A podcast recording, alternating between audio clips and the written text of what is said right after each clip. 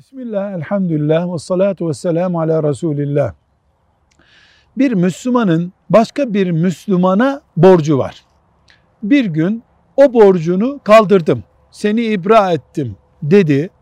Aradan bir zaman geçti, bir borç gündeme geldi tekrar. Sen bana borcunu ödemiyorsun dedi. Şimdi bu Müslüman ibra ettikten sonra yani senin borcun bitti dedikten sonra yeni bir borç söz konusu olabilir mi? Cevap olarak diyoruz ki bu soruda bir kapalılık var. Eğer bir Müslüman öbür Müslümana senin bende hiçbir borcun yok. Bütün borçlarını kaldırdım diyorsa e, o tarihe kadar olan bütün borçlar yok demektir. Genel bir ibra yapmıştır.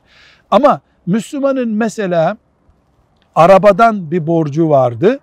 Bir de elden aldığı bir borç vardı veya satın aldığı bir malın parasını ödememişti. Bunlardan birini kaldırdım.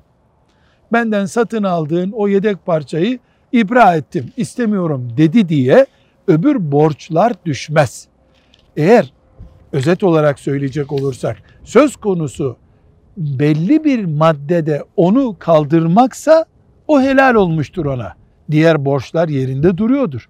Özellikle senin bütün borçlarını kaldırdım diyorsa o tarihe kadar olan hiçbir borç yok demektir.